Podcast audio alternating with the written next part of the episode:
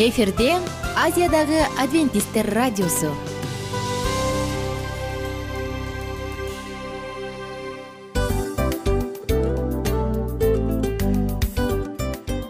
Достор салют. Баардык сүйүктүү угармандарыбызга салам айтабыз. Кутман күнүңүздөр менен.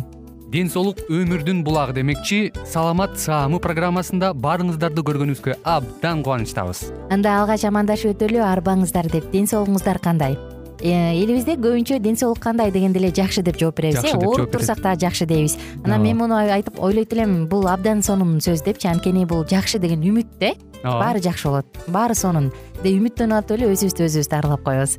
Анысы кандай? Сиздин дагы ден соолугуңуз жакшы беш деген үмүттөбүз чындыгында ден соолук бул өмүрдүн булагы деп бекеринен айтылган эмес деп ойлойм. Кыргыз элинде анткени эгерде ден соолук жок болсо анда адамдын жашоосунда калган баардык керектүү маңыздуу нерселер өзүнүн баалуулугун жоготуп коет. Ошондуктан ден соолук бул эң керектүү нерсе. Ооба туура айтасың кесиптешим. Чынында ден соолугуң жок бир эки үч күн ооруп калсаң эле э кандай болуп калат? Жашоодо көз каранды болуп каласың көп нерсеге жетишпей каласың көп нерсени кыла албай каласың жада калса эшикке дүкөнгө да чыга албай каласың. Туптуура анан ден соолук болсо демек биз биздин бактыбыз тотой деп койсок болот.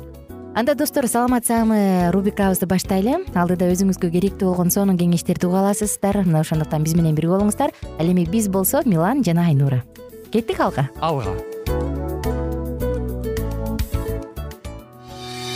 саламат саама ден соолуктун жарчысы. Саламат саама ден соолуктун ачкычы. Күн сайын сиз үчүн мыкты кеңештер сонун жаңылыктар кызыктуу фактылар. Биздин рубрикада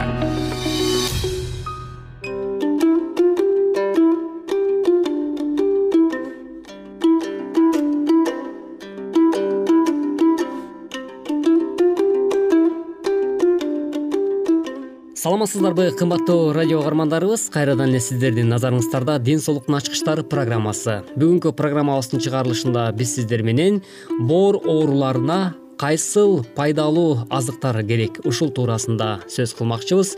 Буга чейинки берүүлөрүбүздө дагы сиздер э, дан азыктары же болбосо э, жашылча жана мөмө жемиштер туурасындагы ар түрдүү кеңеш кептерди угуп келдиңиздер. Адам баласынын ден соолугунун эң бир орчундуу органдары жана бөлүгү болгон бул боор болуп саналат эмеспи.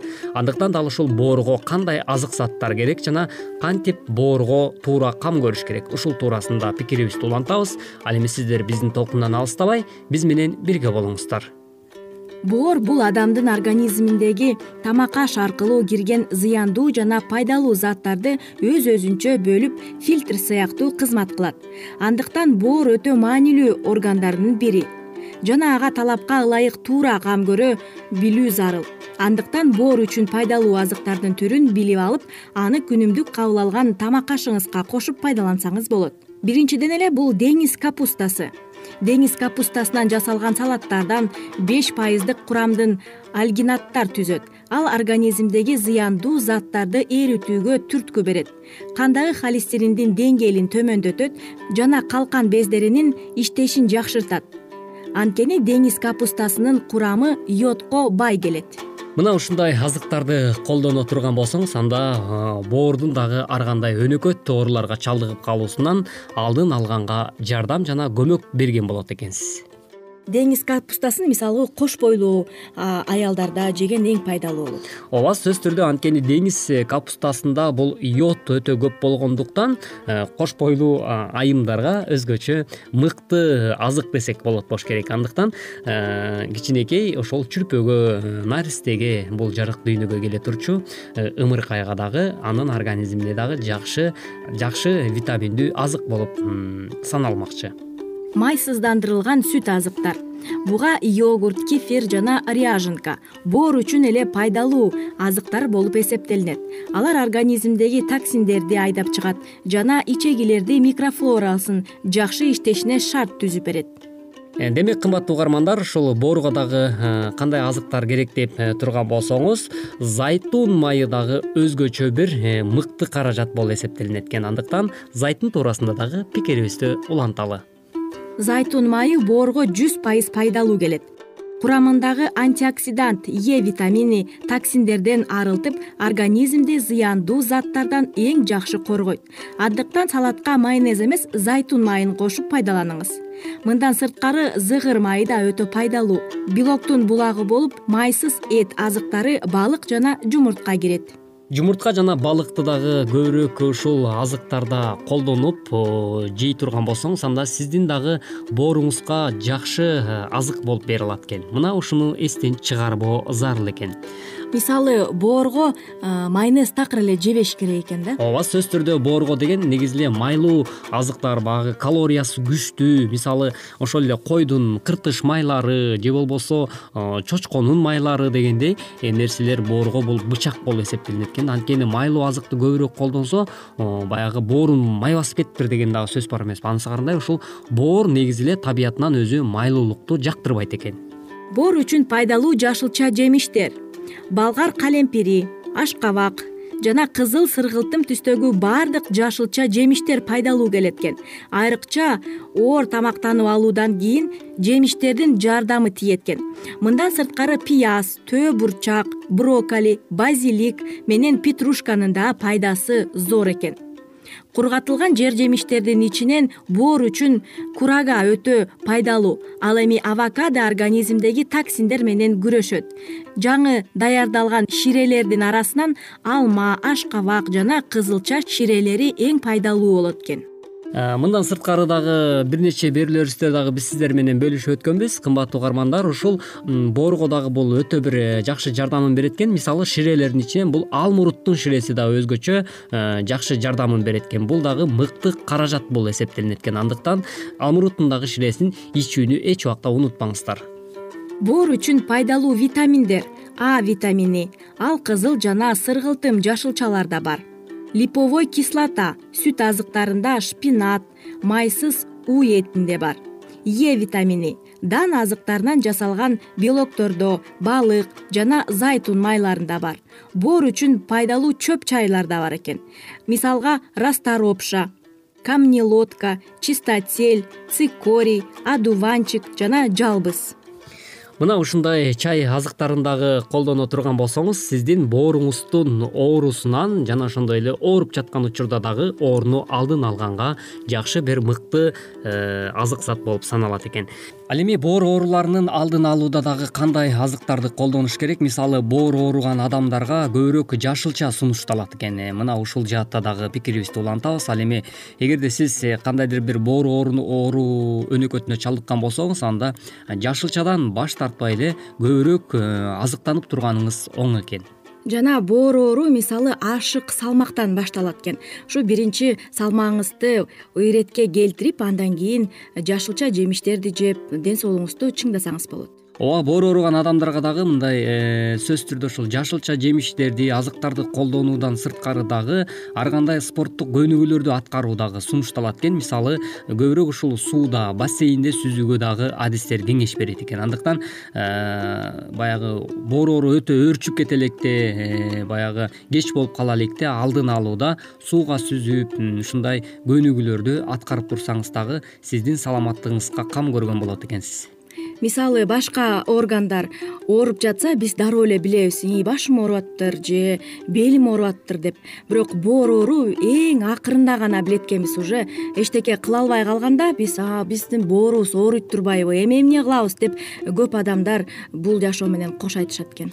Ал эми сиздер болсо бүгүнкү программабызга дагы назарыңыздарды салып бизге убакыт бөлүп тыңдаганыңыздар үчүн баардыгыңыздарга ыраазычылык билгизүү менен биргеликте эч убакта оорубаңыздар деген тилегибизди билдирмекчибиз кийинки берүүбүздөн сиздер менен дал ушул толкундан кезиккенче ар дайым ден соолукта болуңуз жана эч убакта оорубаңыз деген тилегибизди айтуу менен бүгүнкү программабыздын көшөгөсүн жапмакчыбыз.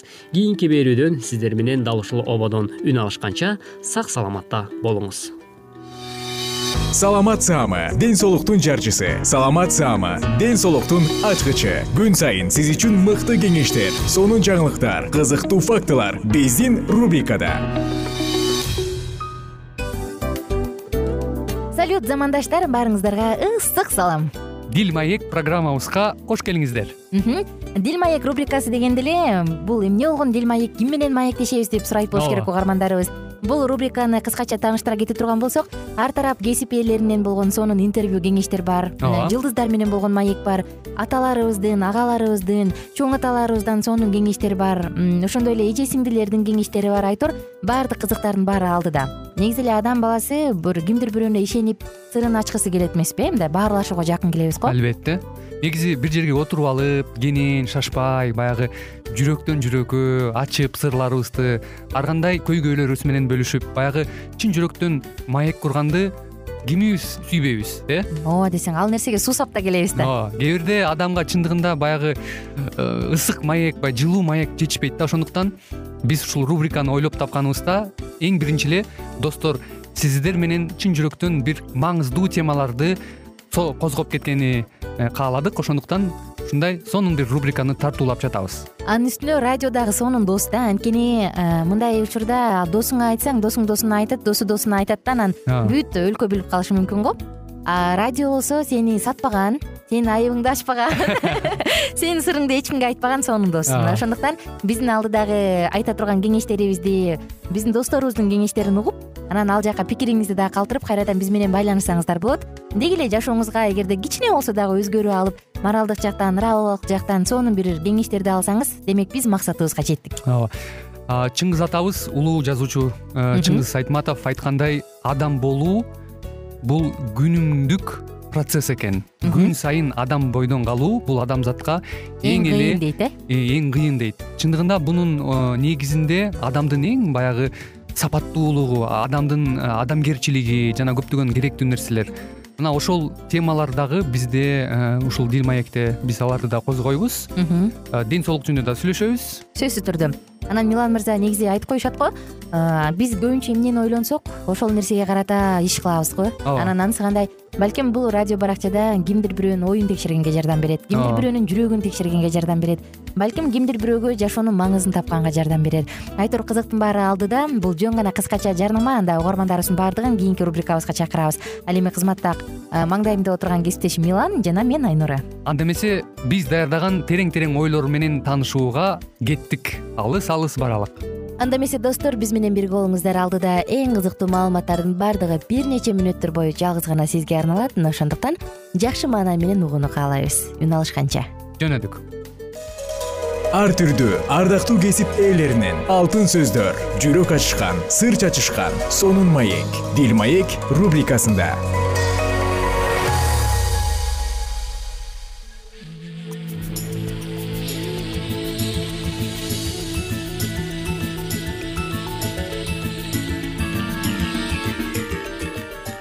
кутмандуу күнүңүздөр менен кымбаттуу радио угармандарыбыз кайрадан эле сиздердин назарыңыздарда биз кыргызстанга саякат аттуу программабызды баштамакчыбыз. Анда эмесе бүгүнкү программада кайсыл тарапка саякат кылабыз десеңиздер анда өткөн берүүбүздө биз кыргызстаныбыздын ажайып бир кереметтүү жерлеринин бири болгон бул мерс бахер көлү туурасында дагы сөз кылганбыз.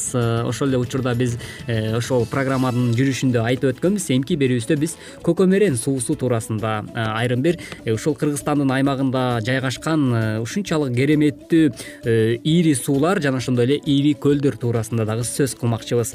Анда эмесе бүгүнкү программабыздын жүрүшүндө дагы демек сиздер үчүн кайсыл жакка сапар тартып э, жана биз менен кошо э, саякат жасайбыз деп турган болсоңуздар анда кеттик. Алдыда ушул көкөмерен туурасында дагы маалыматка ээ болуңуздар. Андан сырткары дагы ала көл туурасында дагы сөз кылабыз. Мына ушундай кыргызстаныбыздагы ажайып кереметтүү жерлерге сиздер менен биргеликте сапар тарталы.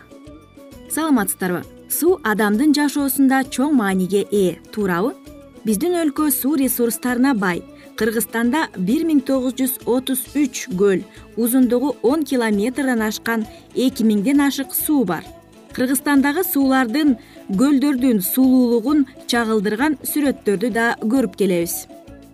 Көкөмерең көк жана моңолчо мөрөн суу көк суу бул кайсыл аймакта жайгашкан дей турган болсоңуз анда кыргызстаныбыздын ажайып бир кереметтүү жерлеринин бирине айланган бул жумгал район аймагы аркылуу аккан суу.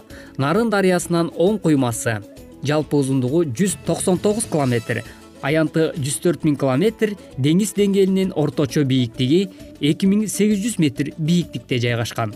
Суусамыр менен батыш кара кооз сууларынан кошулган жеринен жоо жүрөк ой кайын көбүк суу жумгал деп аталат мындан тышкары жүздөн ашык майда куймалары бар. Негизинен каар жана булак сууларынан куралат. Көп жылдык орточо чыгымы сексенден ашык метр куб. Эң көп өлчөмү июнь айында эки жүз он беш метр куб.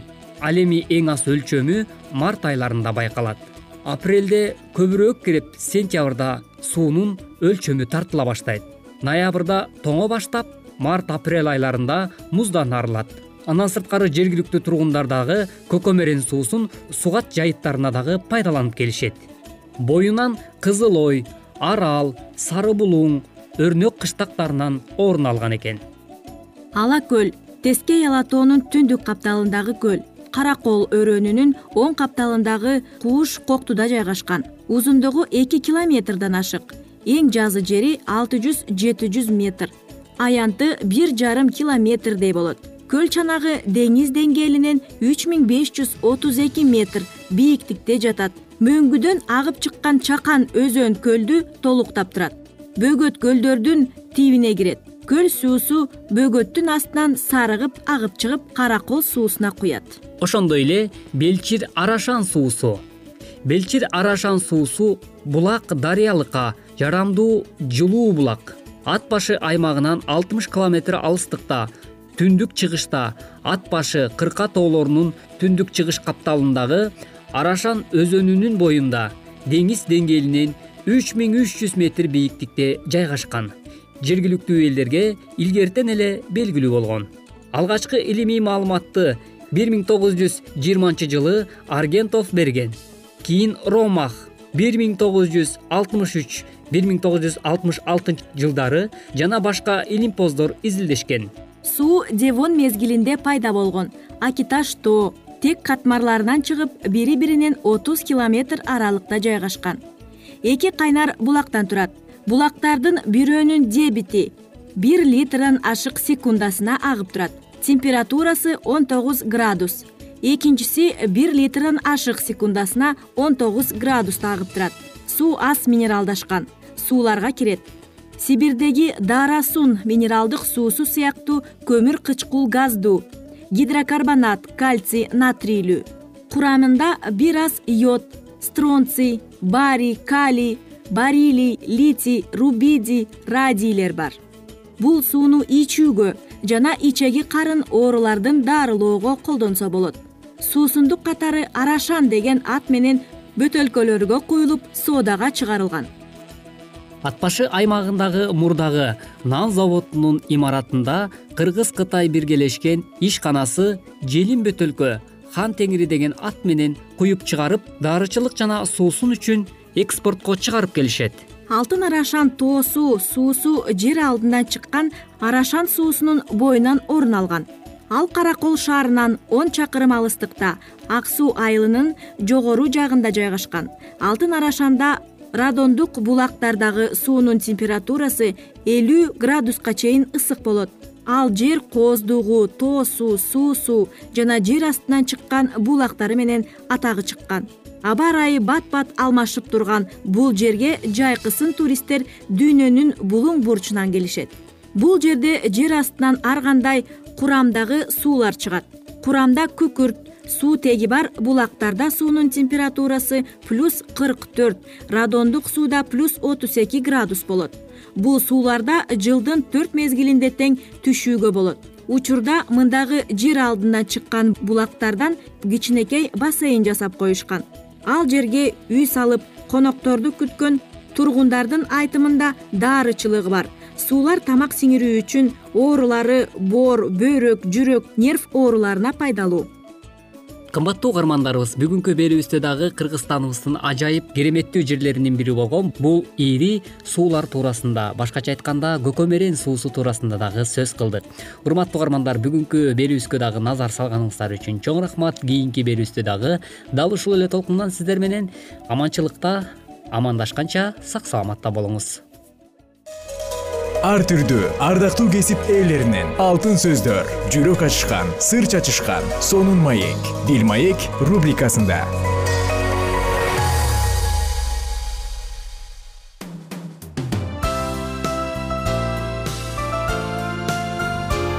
Эфирде азиядагы адвентисттер радиосу.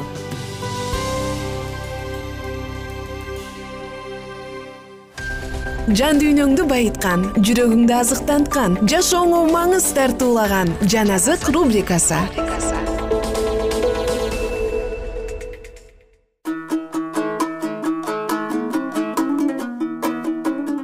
Саламатсыздарбы ардактуу кыргыз элим. Сиздер менен бирге улуу күрөш китебин андан ары улантабыз.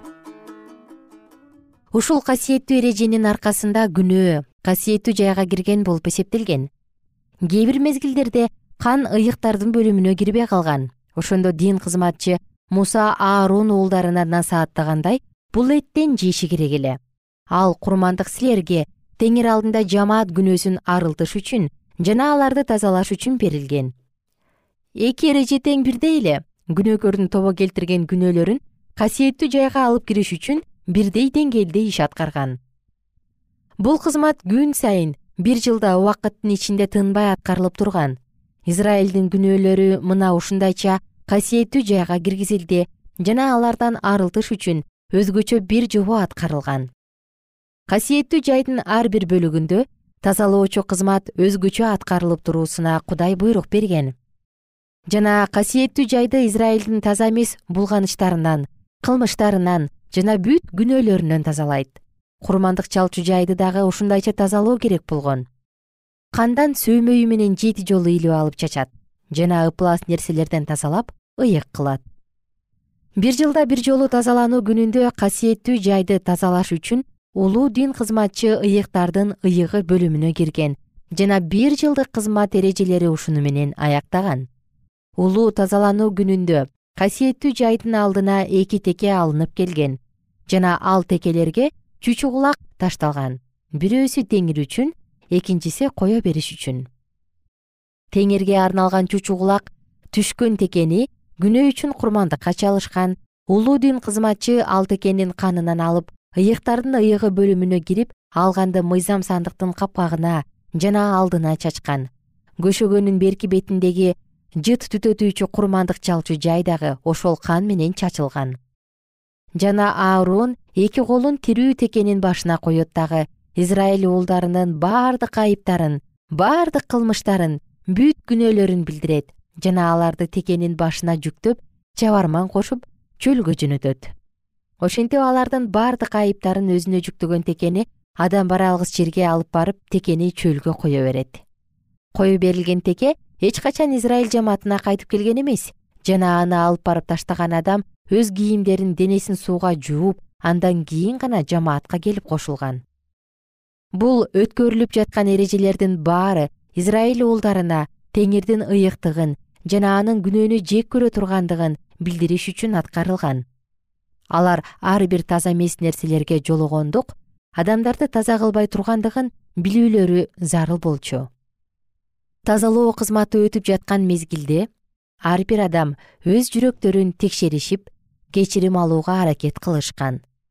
Бул күнү күндөлүктүү турмушка керек зарыл нан үчүн камкордук көрүү токтотулуп жана бүт жамаат кудай алдында сыйынууда орозо кармоодо жана өздөрүн кылдаттык менен текшерип көрүүдө өткөрүшкөн.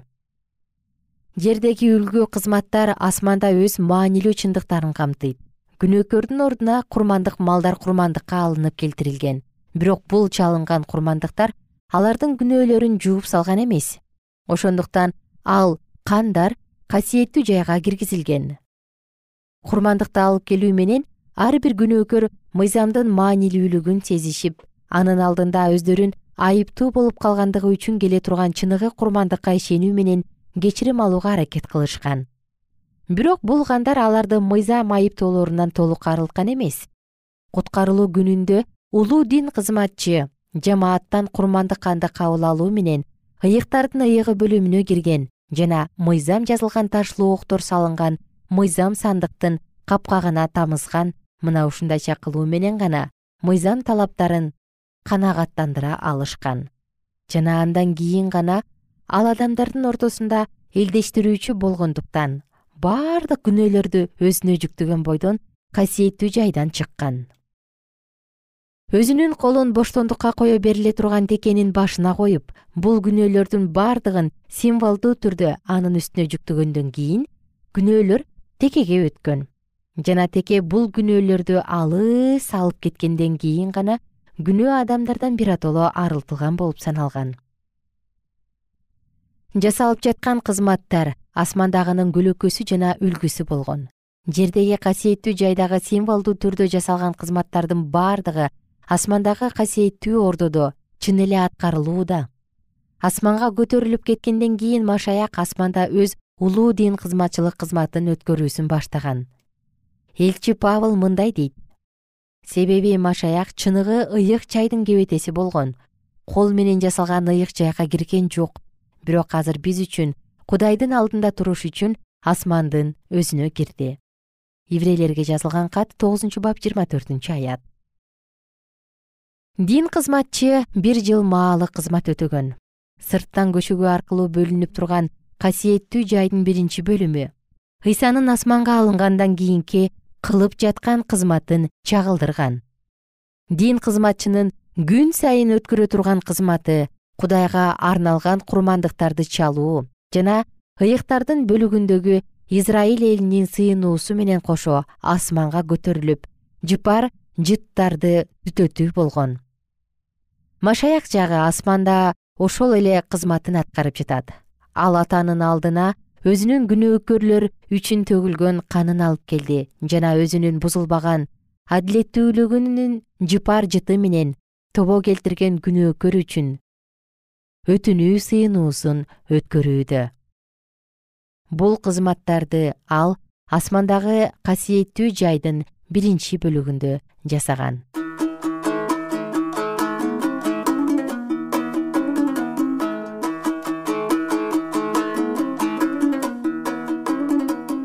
ардактуу угарман кымбаттуу замандаш айымдар жана мырзалар сиздер менен бирге кудайдын улуу сырлары камтылган эң сонун ачылыштарды бирге карап жатабыз. Сиздин жашооңузда дагы сөзсүз түрдө бул окуя бул китеп жана китептеги ар бир баян өзүнүн жемишин алып келет деген ишенимдемин. Баардыгыңыздар менен кийинки уктуруудан амандашканча сак саламатта калыңыздар деп коштошом кайрадан кийинки уктуруудан салам дегенче ар бир көз ирмемиңиз баталуу болсун. Бай болуңуз бар болуңуз. Көп жашаңыз.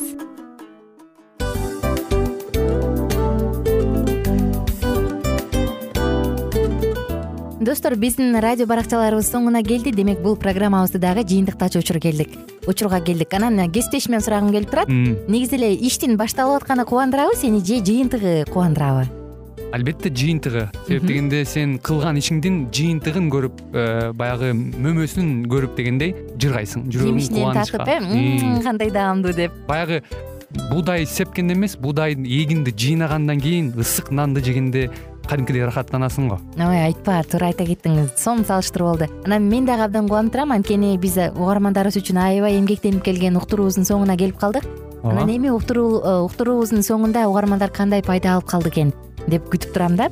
Балким э, менин жашоомо өзгөрүү киргизе турган сонун сөздөр болду. Мен ушул нерсени изилдеп анан кабыл албасам ушул нерсени кылбасам деген чечим чыгарсаңыз анда биз абдан кубанычтабыз. Сөзсүз түрдө. Андыктан кийинки биздин кызыктуу уктурууларыбыздан көрүшкөнчө сак саламатта калыңыздар. Чыдамсыздык менен сиздерди мен милан жана кесиптешим айнура күтөбүз баардык угармандарыбызга ийгиликтүү күн каалайбыз. Качан гана болбосун уртуңуздан жылмаюу кетпесин үйүңүздө көмүр жүрөгүңүздө көңүл болсун дейли